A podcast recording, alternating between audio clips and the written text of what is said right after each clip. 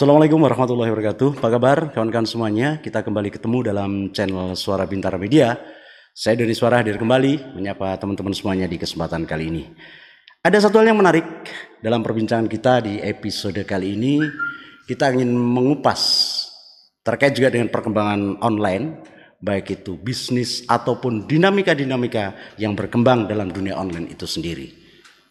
Narasumber kita hari ini adalah seorang akademisi Dr. Amarudin MPDI. Assalamualaikum. Mas Amar. Bisa dilepas Mas Amar? Nah, ya. Saya lama sebenarnya pengen ketemu dengan beliau ini dan baru kali ini di Suara Bintara Media kita bisa bersatu karena beliau ini juga bagian dari dewan redaksi kita untuk uh, menyoroti permasalahan-permasalahan yang berkembang di sekitar kita. Pak Dr. Amarudin, kabarnya gimana? Alhamdulillah. Alhamdulillah. Ya, lama sekali tidak ketemu-ketemu baru kali ini. Ada satu bahasan yang cukup menarik yang patut untuk kita cermati di kesempatan hari ini, yaitu terkait dengan perkembangan online. Perkembangan begitu cepat, teknologi mau tidak mau merangsek dari waktu ke waktu, sehingga perlu adanya satu penyikapan yang cerdas dari masyarakat itu sendiri. Saya ingin uh, menanyakan awal di bidangnya Dr. Amar ini kan kaitannya juga dengan tentang pendidikan-pendidikan agama, termasuk pendidikan Islam dan sebagainya. Nah, saya ingin tahu bagaimana seandainya antara keilmuan-keilmuan Islam ini disejajarkan dengan teknologi. Nah, mungkin Pak Amar bisa memberikan satu gambaran awal sehingga nanti kita bisa mengalir arahnya ke mana begitu ketika kita mulai dari hari ini. Ya. Bapak silakan. Terima kasih. Uh, Selamat malam uh, semua uh, dan terima kasih kepada Pak Doni selaku uh, teman kita, teman kita, teman kita, ya. nyantai saja. Nyantai saja. Dan pada malam hari ini tema yang diangkat uh, oleh suara media suara Bintara pada malam ini adalah penipuan online. Terkait dia dengan online, nanti kita mengarah ke sana ya. Babul online. Iya betul. Babul online. Ya uh, terkait dengan majunya teknologi saat ini itu kalau dilihat dari kaca pandang uh, akademik ataupun juga uh, keagamaan itu suatu keniscayaan yang harus dihadapi oleh generasi sekarang. Mungkin kita ingat pesan Sayyidina Ali ya, ya. bekali anak-anakmu dengan ilmu yang besok itu mereka akan berada pada zaman tidak pada zamanmu. Berarti ya bekal ilmu yang uh, sesuai dengan zamannya, sesuai dengan zamannya. Itu satu. Dan mungkin kalau pada tema malam hari ini penipuan online itu kita di benak kita yang itu pasti penipuan uh, bermakna tentang kerugian uang kan gitu, kerugian uang. Tapi sebenarnya penipuan online itu tidak hanya kerugian uang, kadang kerugian apa pun, kadang hak cipta kalau di ya. di apa akademik atau juga kerugian kehormatan kadang Betul. orang yang uh, sehingga muncul hukum-hukum atau juga masalah-masalah baru seperti itu. Maka uh, itu memang ada nyatanya tapi uh, yang kita lihat secara orang awam itu melihat penipuan online itu bermakna penipuan harta kan gitu. Mungkin contoh uh, apa? Seringkali orang-orang awam itu menerima baik itu kalau dulu SMS sekarang WA. Kadang uh, eh, WA pribadi pun bisa di terobos diterobos ya. ya dengan ketidaktahuan yang punya uh, eh, WA itu minta apa? Minta kode yang terkirimkan lewat SMS okay. tanpa sadar mereka ternyata WA-nya berubah dan itu kadang uh, sering uh, kita alami di teman-teman di akademik itu kadang ada di WA group gitu dia uh, klarifikasi kepada teman-temannya semuanya kalau uh, WA-nya di uh, bobol seperti itu dan Itu hanya salah satu kasus uh, penipuan online soal itu dan itu akan merembet ke mana-mana. Jadi kita bisa meyakini seyakin-yakinnya bahwa dalam tanda petik keilmuan-keilmuan bahkan Islam itu sendiri sudah menjanjikan sesuatu dari belum ada zaman sampai akhir zaman itu akan tetap sangat relevan begitu ya. Oke, saya ingin ke sana. Tadi sudah disinggung oleh Pak Mar terkait juga dengan sudah ada eh, apa ya semacam eh, rambu-rambu sebenarnya sudah yang tadi disebutkan oleh Sayyidina Ali tadi salah satunya. Nah, tetapi sekarang ini saudara-saudara kita masih banyak yang gagap terhadap hal-hal seperti itu. Adanya satu zaman kemudian berbalik ke zaman yang lain, ke zaman yang lain dan nampaknya yang namanya zaman teknologi yang sekarang lebih dikenal dengan digitalisasi ini menjadi sesuatu hal yang secara tiba-tiba sehingga banyak masyarakat yang gegap atau gagaplah melihat kondisi seperti itu. Nah, dalam hal ini bagaimana Pak Amar? Penjenengan selaku pendidik, selaku akademisi dan bahkan juga selaku pengamat sosial melihat kondisi seperti ini. Sebenarnya yang tidak siap itu siapa dalam kondisi seperti ini? Iya. Oke. Okay. Uh, eh, sebelum menjawab itu mungkin saya tetap ya, ya. mengkaca pada apa kaca pandang uh, agama Betul. konteks agama. Betul. Mungkin uh, penipuan-penipuan itu kadang yang paling mendominasi di dunia online itu kadang jual beli, yeah. ataupun juga uh, akot-akot uh, yang itu sangat menjanjikan ya. katakanlah, yeah. uh, dan orang yang apa mungkin uh, memang dia punya pengen usaha apa ataupun juga berdagang apa, uh, kepinginan konsumen itu juga apa itu kadang tanpa melihat melihat uh, apa meneliti lebih lebih rigid. Yeah tapi apa yang penting murah tanpa ada barangnya. Padahal ini kalau dalam konteks konteks apa fikih itu pun juga sudah ada rambu-rambunya. Sepakat. Kan ya, gitu kan. Betul. Di di Al-Qur'an pun diterangkan bahwasanya uh, ahalallahul bai'a wa harrama riba. Ya. Nah, riba di sini itu riba itu saja sudah diharamkan apalagi yang jelas-jelas haram kan gitu. Ya. Maka riba itu kadang uh, memang inamal akmalu biniatnya seorang penjual atau pembeli itu ada ada memang ada indikasi apa tidak tidak fair. Tidak fair.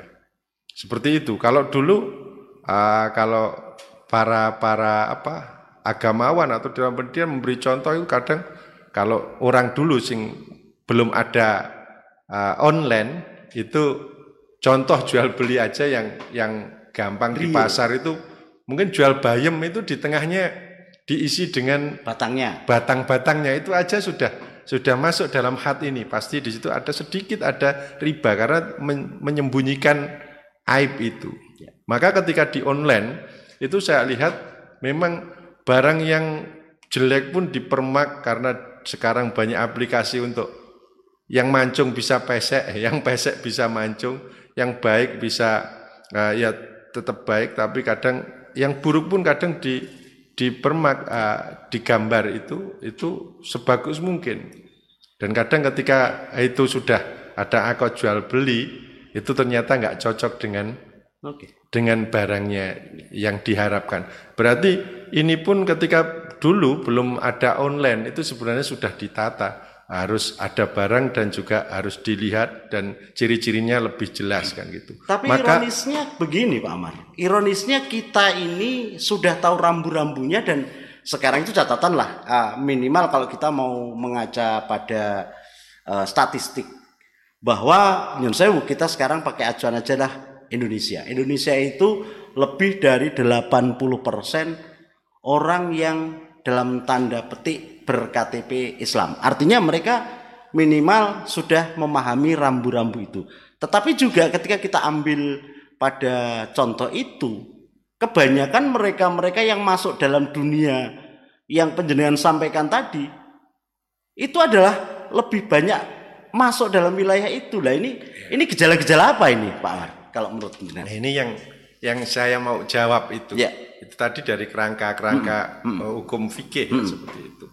Tapi ke era kekinian ya. yang itu memang jual beli online, uh, juga uh, kerjasama lewat online uh, tanpa kita tahu betul uh, itu penyelenggaranya siapa, penjualnya siapa, maka di sini uh, bagi masyarakat ataupun juga uh, apa orang yang uh, masuk di dunia online ini harus juga tahu rambu-rambu seperti itu biar tidak tertipu ya tertipu. Uh, sering kali penipuan online itu uh, sebenarnya kalau dilihat dari segi hukum itu sah sah semua ya soke tapi sebenarnya inamal amalu biniatnya penjual itu, itu ya? memang itu memang uh, memang apa ada unsur penipuan tadi saya sempat ngobrol dengan teman saya itu tentang trading, ya. tentang sekarang lagi marak di kemarin dibahas di TV One itu, itu uh, apa? Binomo ya, ya. Binomo. Itu apakah itu uh, bisnis atau itu judi. judi ya. Temanya kan itu kan juga masuk pada wilayah ini wilayah ya. uh, apa? Model-model online model ini. online ini. Ya. maka itu juga saya kira harus kita lihat dari kaca pandang hukum yang berada di Indonesia ini dan juga Kominfo pun juga sebenarnya sering kali memberi sosialisasi tentang uh, apa hati-hati di dunia online itu supaya uh, apa tidak ada uh, masyarakat yang tertipu dan itu banyak kasus sekarang banyak kasus seperti itu. Oke, okay. uh, saya ingin kembali kepada tadi uh, orang kita itu ya Pak Amar uh, catatannya kan lebih banyak orang-orang yang orang-orang yang beragama Islam katakanlah begitu. Mereka tuh banyak yang berbondong-bondong masuk ke situ. Nah ini kalau melihat kacamata ini kira-kira apa yang perlu diberikan ramuan agar ya minimal mereka itu ketika mau terjun ke arah itu punya yeah. punya pikiran lah. Yeah. Kalau ke sini arahnya ini ini dan sebagainya. Nah ini bagaimana sebagai seorang uh, pendidik, sebagai seorang pengamat sekaligus juga akademisi terkait juga dengan yeah. menyikapi permasalahan-permasalahan online ini, Pak. Uh, menurut saya ya tetap uh, pahami uh, dunia online itu, uh, pahami ketika kita ada kasus per kasus itu uh, ada orang yang banyak uh, tweetan di di media itu kata orang tertipu ini ini. Itu enggak uh, kita kita lihat aja. Dan itu menjadi pengalaman. Uh, kita jangan sampai menjadi korban yang keberapa kalinya seperti itu. Uh, dan di dunia akademik juga gitu katakanlah uh, tentang apa uh, karya tulis itu ya, ilmiah itu kadang banyak yang uh, menawarkan Plagiat. ya tidak hanya plagiatnya tapi menawarkan untuk di online kan standar uh, apa itu nasional ataupun juga internasional. Tapi ya itu juga kasusnya juga penipuan. Saya kira itu juga penipuan dan uh, saya kira juga uh, penipuan itu juga berbasis pada keinginan yang berlebih pada orang yang punya ingin ini si A, ingin A, ingin B itu tanpa tanpa mengedepankan mentimbangkan penelitian uh, teliti lebih dahulu tapi memang kepingin terlalu terlalu besar ya lebih, lebih itu. Okay. Itu sering kali. Ya. Menarik sekali perbincangan kita terkait juga dengan uh, cara pandang ataupun kebiasaan masyarakat yeah. menyikapi ini. Tetapi hal yang mungkin katakanlah kalau kita tinjau dari kacamata Islam. Islam itu adalah sesuatu hal yang sangat toleran. Ketika perkembangan situasi, perkembangan zaman, perkembangan masa pun juga selalu memberikan nilai lebih. Iya. Nah, dalam hal ini apakah Pak Amran juga sepakat bahwa sebenarnya online ini kita tidak berbicara tentang tentang penipuan atau iya. ilmu online ini sebenarnya ada manfaatnya enggak sih terhadap keberadaan umat dalam hal ini? Kalau suatu misal iya. ini memang benar-benar seperti yang penjenengan sampaikan tadi iya. dijalankan. Tetap ada, ada, ada. Tapi dalam tanda kutip tetap kita harus tahu manfaat, manfaat dan mazorotnya dan di situ uh, apa uh, online-online yang sekiranya itu apa uh, membawa madorot atau juga uh, apa harus harus Tidak di manfaatan. ya, harus di harus diteliti lebih jauh itu harus dipahami dan semua ada ilmunya saya kira. Nah, maka uh, di dalam agama Islam itu ada belajarlah terserah dengan ilmu apa uh, hai susita ya. Sita. maka uh, setengah dari itu ya online itu ada ilmunya sebenarnya kalau kita masuk di situ ya berarti juga harus tahu rambu-rambu yang sekiranya kita uh, uh, tetap uh, pada konteks ini di dalam agama tidak dilarang seperti itu Oke. dan itu banyak sering kali uh, basul masail basul masail di pondok itu berdebat ya. tentang bagaimana hukumnya kita uh, apa pesan uh, Online. online tanpa ada barang tapi hanya gambar seperti itu dan dan itu uh, suatu keniscayaan kalau kita apa tidak tidak dibahas nyatanya sekarang realitas seperti itu maka uh, tetap uh, itu menjadi kajian-kajian dan apa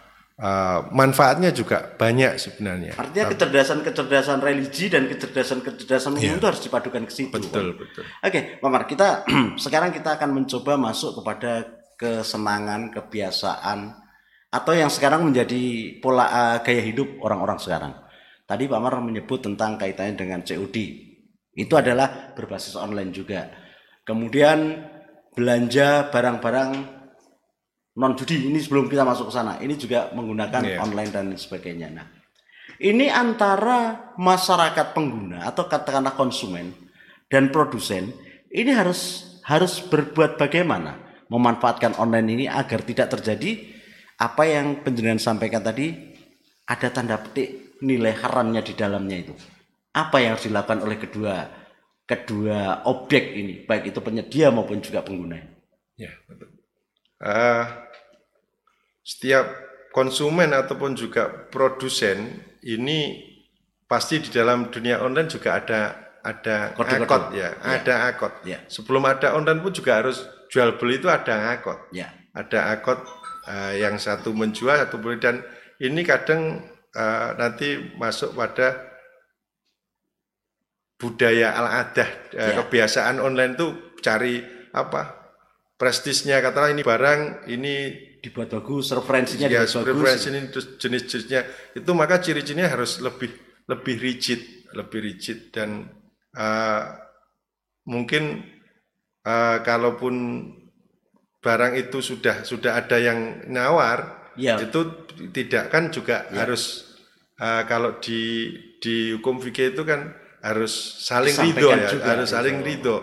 Eh, saya cocok gini gini tapi dengan cara pandang apa ya harus teliti antara penjual harus memberi informasi transparan eh, keadaan atau barang itu ataupun juga konsumen juga harus teliti dengan barang itu sehingga ketika nanti sudah deal ya dan biadin ya saling Tidak ada rasa menerima itu dirugikan. tidak ada rasa dirugikan Ya.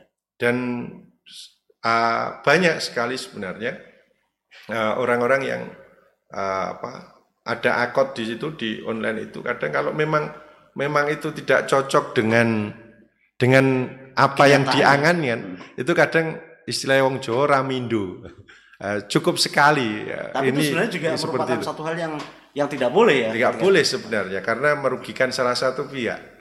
Nah, maka sebenarnya nanti juga ada kompetisi ketika produsen itu mutunya bagus dan menetapi ciri-ciri yang sesuai dengan yang di di apa informasikan kepada konsumen itu juga apa akan menjadi keberlangsungan bagi produsen tersebut dan menjadi apa eh, kepuasan bagi pelanggan. Itu saya kira eh, di situ nggak nggak ada nggak ada unsur-unsur yang saling merugikan dan yang di di apa singgung dalam eh, ayat-ayat fikih tadi seperti itu. Ya, hal-hal yang terkait dengan online mau tidak mau sekarang generasi ini dihadapkan pada kondisi-kondisi seperti itu. Tetapi yang namanya juga masyarakat kadang-kadang juga perlu adanya satu jaminan, adanya satu regulasi sehingga apa yang diharapkan oleh seorang konsumen ini klop dengan apa yang diberikan oleh produsennya. saya ingin lebih jauh mengupas hal ini kepada Dr. Amarudin MPDI terkait juga dengan hal, -hal itu. Uh, menyinggung tentang apa yang idealnya dilakukan oleh seorang produsen kepada konsumen atau penjual kepada pembeli lah saya mengatakan seperti itu. Perlu nggak Pak Mar hal-hal seperti ini nanti diatur dalam satu aturan-aturan resmi negara terkait dengan kondisi-kondisi itu secara rigid. Karena saat ini walaupun juga secara peraturan, secara regulasi sudah ada, tapi yang namanya konsumen juga masih ada dirugikan sehingga ujung-ujungnya ya seperti tadi, alah saya tanda mindu. Iya. Tetapi minimal mereka itu sebenarnya juga sudah melanggar apa yang dinamakan akadnya tadi, akadnya yang akadnya. Anda sebut tadi. Nah, ini bagaimana Pak Mar? Ini masih soal jual beli ya, ya. itu yang uh, masih di di ranah. wilayah ranah-ranah uh, apa di Hanya antara satu ya, orang gitu ya. di antara uh, terugikan kan soal mutu ya. kadang seperti itu. Itu katalah belum ter gak terekspos dalam uh, apa pasal-pasal yang diatur oleh pemerintah. Ya. Mungkin uh, pemerintah mungkin melewati kominfonya juga lewat uh, apa penegak hukumnya itu sering kali sebenarnya sosialisasi seperti itu dan yang terekspos di sana ya tidak tidak akot jual beli online ini tapi yang penipuan yang sifatnya sangat masif mungkin sangat jelas katakanlah ya. uh, contoh yang sekarang pun juga bahasan bahasanya kan banyak. Itu uh, seperti kripto seperti apalagi uh, apa trading trading itu itu sekarang apa juga uh, disoroti oleh pemerintah dan saya kira uh, banyak uh, trading trading yang uh, tidak memenuhi syarat sebenarnya karena prosedurnya itu tidak terlewati dan ya. orang kadang apa sangat sangat tertarik karena begitu apa uh, begitu menjanjikan. ya menjanjikan. Ini juga saya kira itu yang perlu di, di apa diawasi dan di uh, ada aturan uh, tertulis dari uh, pemerintah. Ya biasanya kalau kaitannya dengan nilai-nilai keagamaan itu kan biasanya ini dalam tanda petik pernah juga melibatkan Majelis Ulama Indonesia untuk ya. masuk ke wilayah itu membuat aturan-aturan serigit mungkin dalam hal ini. Tetapi perkembangan online ini ternyata juga lebih cepat daripada sikap atau yeah. kesigapan daripada eh, lembaga-lembaga uh, yang punya kewenangan tentang itu. Pak Amar bagaimana memandang ini? Ya perlu perlu. Uh, eh, MUI pun juga uh, labeling MUI itu kan kadang kalau orang awam kan lihat makanan ya, ya. halal haram. Ya. Tapi sekarang kan fatwa bisa pun juga. juga ya. Tapi kalau uh, apa Online. fatwa fatwa juga di di apa? Di bungkus. Perkuat dengan suatu uh, apa usaha itu sudah terdaftar di MUI kan gitu kadang ya. sebenarnya kan sebenarnya ada kan itu seperti itu. Saya kira uh, juga perlu perlu. Ya. uh, soal kasus-kasus atau juga kasus penipuan itu saya kira uh, kok fatwa? Penipuan yang jelas-jelas masif pun bisa dibawa ke ranah apa? Laporan ke uh, hukum kan gitu. Ya, ya. sampai itu masuk di ranah pidana kan gitu hmm, kan. hmm. pidana. Saya kira itu banyak. Dan artinya begini Pak Amar yang saya tanyakan tadi. Hal yang sekarang ini kan terkait juga dengan online. Ini dalam membuat produknya itu cepat sekali. Berubah berubah Betul, berubah, berubah, berubah. Tetapi lembaga-lembaga resmi katakanlah lembaga-lembaga pemerintah ataupun lembaga-lembaga pendukungnya seperti yang saya katakan MUI tadi mereka itu sangat tertinggal ya, ketika betul, nah betul. Hal seperti ini kalau menurut Anda harus bagaimana ini uh, negara ini harus kawal? Uh, harus harus juga uh, punya sama-sama cepat. produk sama-sama cepat.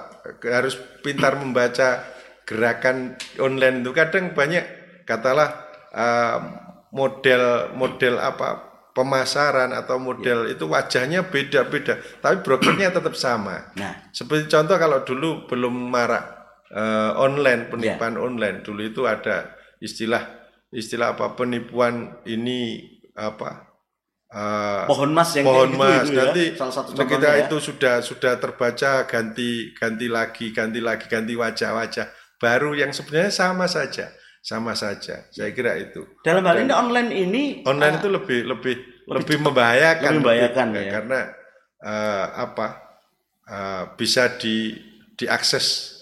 Ya.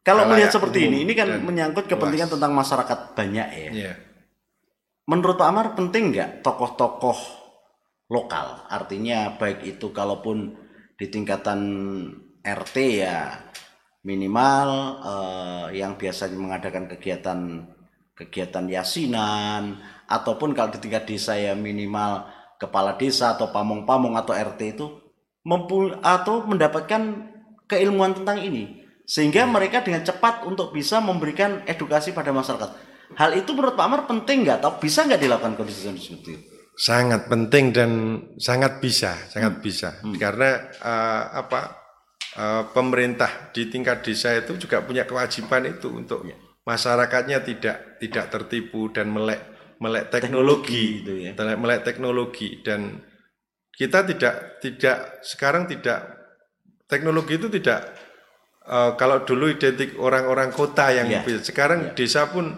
ketika kita ingin apa semua online saya kira online baik itu online yang sifatnya sifatnya uh, apa privasi ataupun juga karena online privasi bisa. Uh, mungkin karena karakter karakter apa aplikasi itu beda-beda kan gitu. Ya. seperti FB seperti uh, apa aplikasi lainnya itu ada yang semua orang bisa lihat. Ada yang hanya grupnya sendiri atau juga yang di yang di apa inginkan. Itu artinya banyak. kita mau tidak mau juga harus ya, berhadapan harus, harus. belajar betul, tentang perkembangan betul, teknologi itu ya, sendiri ya. ya ya karena juga ada salah satu contoh ini hal yang real sebenarnya. Di desa saya itu ketika musim tebang itu kalau panen tebu, tebu gitu ya, ya.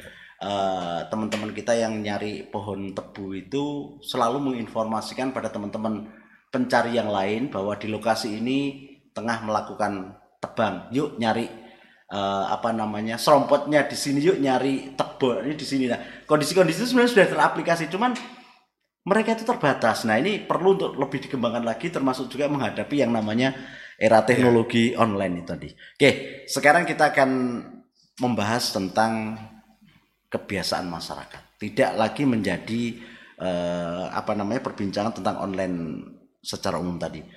Masyarakat di sini itu lebih terbiasa yang disampaikan Pak Amar tadi meminta yang terlalu lebih, menginginkan sesuatu yang terlalu lebih tanpa mereka membekali sesuatu yang bisa menunjang itu.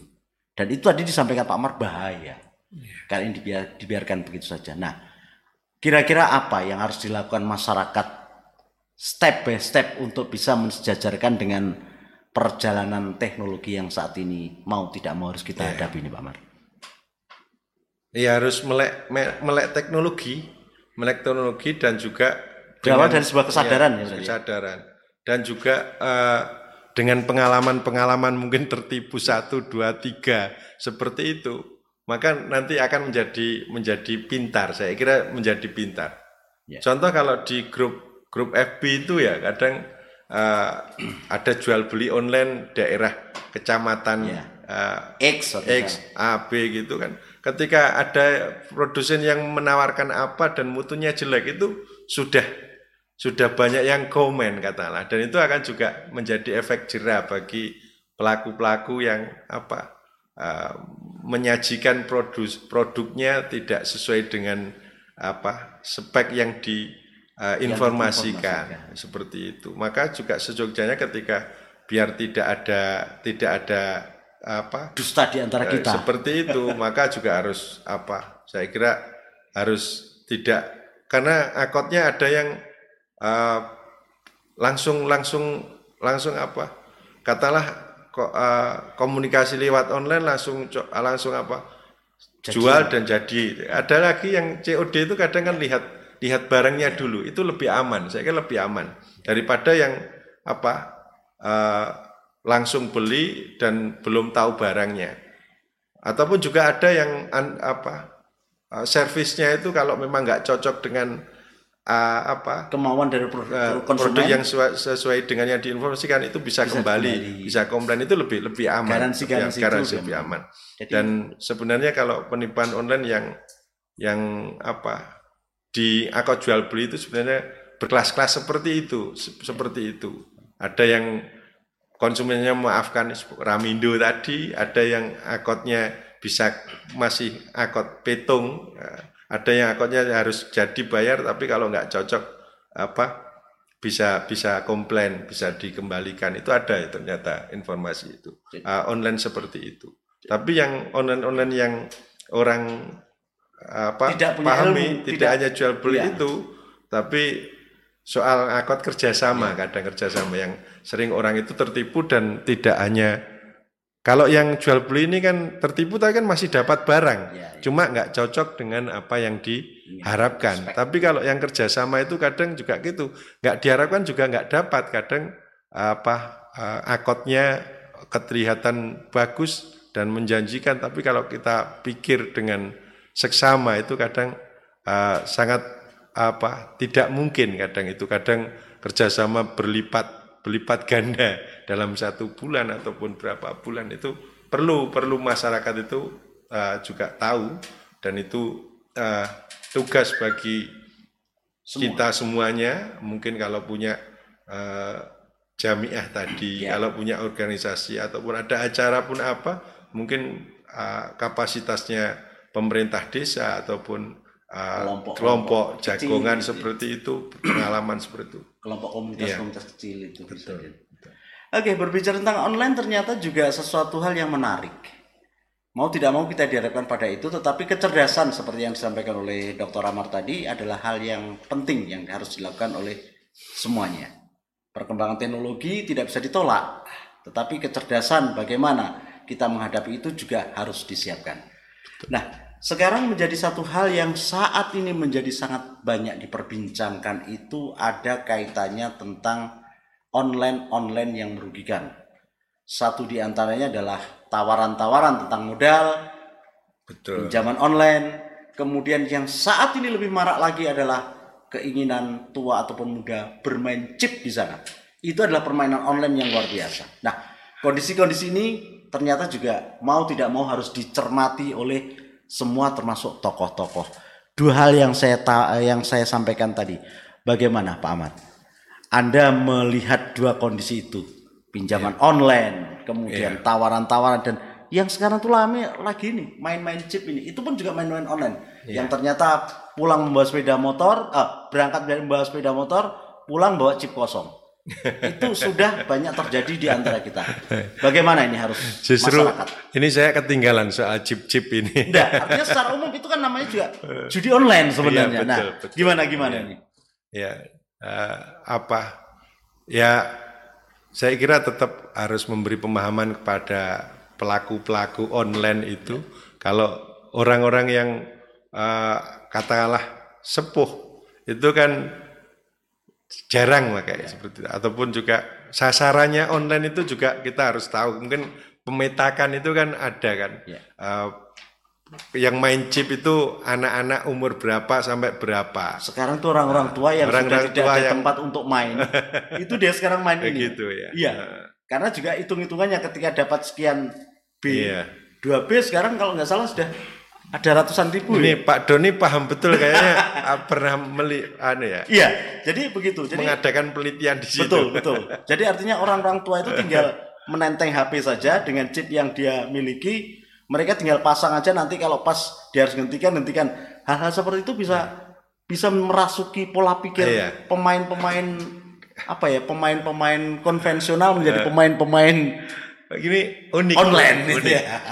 Oke, gimana ini? Karena di di satu satu HP ini kan Betul. kan berkumpul macam-macam aplikasi ya. Iya. Orang baca Al-Qur'an juga di sini. Iya. Orang berhitung juga di sini, kalkulator ada di sini, game online ada di sini, judi ada di sini. Kalau dulu kalau dulu apa? Itu bisa terbaca karena itu berdiri sendiri kalkulator ya kalkulator, anak main uh, Al-Qur'an juga sendiri kan gitu. Ternyata sekarang jadi satu jadi satu dunia dalam ya, satu genggaman satu, dalam satu genggaman dan itu saya kira uh, orang tua atau juga masyarakat yang paham betul dengan itu uh, harus memberi pendidikan, harus memberi edukasi kepada generasi-generasi kita yang pelaku seperti itu. Ya.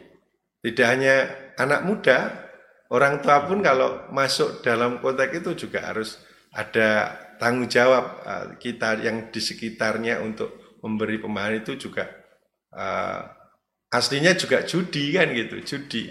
Kalau dulu alatnya itu kalau uh, kalau dulu di desa itu uh, anak dolanan gaple gitu aja ya, yeah. dolanan remi gitu aja, itu aja dilarang katalah. Padahal itu juga sekedar mainan nggak apa-apa, tapi itu salah satu alat menuju ke sana. Mungkin sekarang tidak gaple, tidak remi, tapi kita teliti anak kita main apa di situ, main apa di situ. Yeah. Kalau main game se sekelas hanya game saja, mungkin kalau anak kecil kan Mobile Legend ya. uh, apa FF kan gitu kan itu ya uh, itu saja sudah um, orang tua resah kata ya. apalagi yang jelas-jelas mengandung apa unsur unsur uang judi uang dan itu saya kira banyak yang tercekoi generasi kita uh, nggak usah kerja uh, main sini itu saya, saya kira juga harus ada penyuluhan okay. sehingga mereka punya usaha yang sehat walaupun main di online uh, apa dunia online dunia online yang sehat. Oke. Okay. Sebenarnya kalau kita berbicara tentang online ini masih banyak sekali yang kita dapatkan. Tetapi dalam kesempatan kali ini kita sudah mencoba mengawali perbincangan ini dengan seorang akademisi, seorang pengamat sosial dan bahkan dalam perbincangan kali ini tadi sudah terungkap hal-hal apa yang harus dilakukan oleh masyarakat termasuk bagaimana kesiapan masyarakat mencerdaskan diri untuk berhadapan dengan teknologi. Sebelum diakhiri, Pak Mar, ada hal yang perlu Anda sampaikan karena Anda juga seorang pendidik, Anda juga seorang tua, Anda juga seorang akademisi. Nah, apa yang harus dilakukan oleh masyarakat agar tidak tergerus dalam permainan yang namanya teknologi yang sekarang lebih dikenal dengan nama online ini. Silakan Pak Mar. Iya. Satu, uh, ayo kita melek teknologi dan um, teknologi itu bisa menjadi bumerang bagi kita untuk hancur, tapi juga bisa menjadi panah kita untuk maju ya, maju dari segi apa pun, tidak hanya ilmu, usaha ataupun apa pun keilmuan-keilmuan itu banyak di sana. Itu manfaatkan dengan sepositif mungkin. Dan bagi generasi muda mungkin uh, jangan jangan uh, apa terlena terlena memahami tentang teknologi itu hanya itulah satu-satunya mungkin media untuk usaha ataupun apa tapi itu hanya salah satu usaha taruhlah ketika kita hanya mengedepankan usaha online uh, menjadi miliarder, tapi satu saat uh, pasti nanti ada zamannya online itu sudah tidak tidak menjadi menjanjikan lagi. Maka Anda generasi muda harus punya usaha yang juga yang permanen, yang permanen, real. yang real sehingga sehingga Anda itu punya identitas yang jelas, usahanya apa. Kadang sering kali kita temukan anak muda yang uh, jutawan tapi youtuber identitasnya nggak jelas kerjanya apa yang penting banyak uang kan gitu. Maka harus diimbangi dengan usaha-usaha yang sifatnya kalau zaman dulu konvensional. Sehingga ada identitas di sana saya kira itu. Oke untuk membangun sebuah identitas tadi disinggung oleh Pak Amar bahwa agama ataupun agama apa pun yang anda anut ini merupakan satu dasar untuk membimbing anda menjadi bagaimana menjadi sukses. Agama dan ilmu adalah satu hal yang tidak bisa dipisahkan dan ini harus menjadi modal dasar Anda untuk mendapatkan jati diri. Saya Doni Suara, terima kasih. Assalamualaikum warahmatullahi wabarakatuh.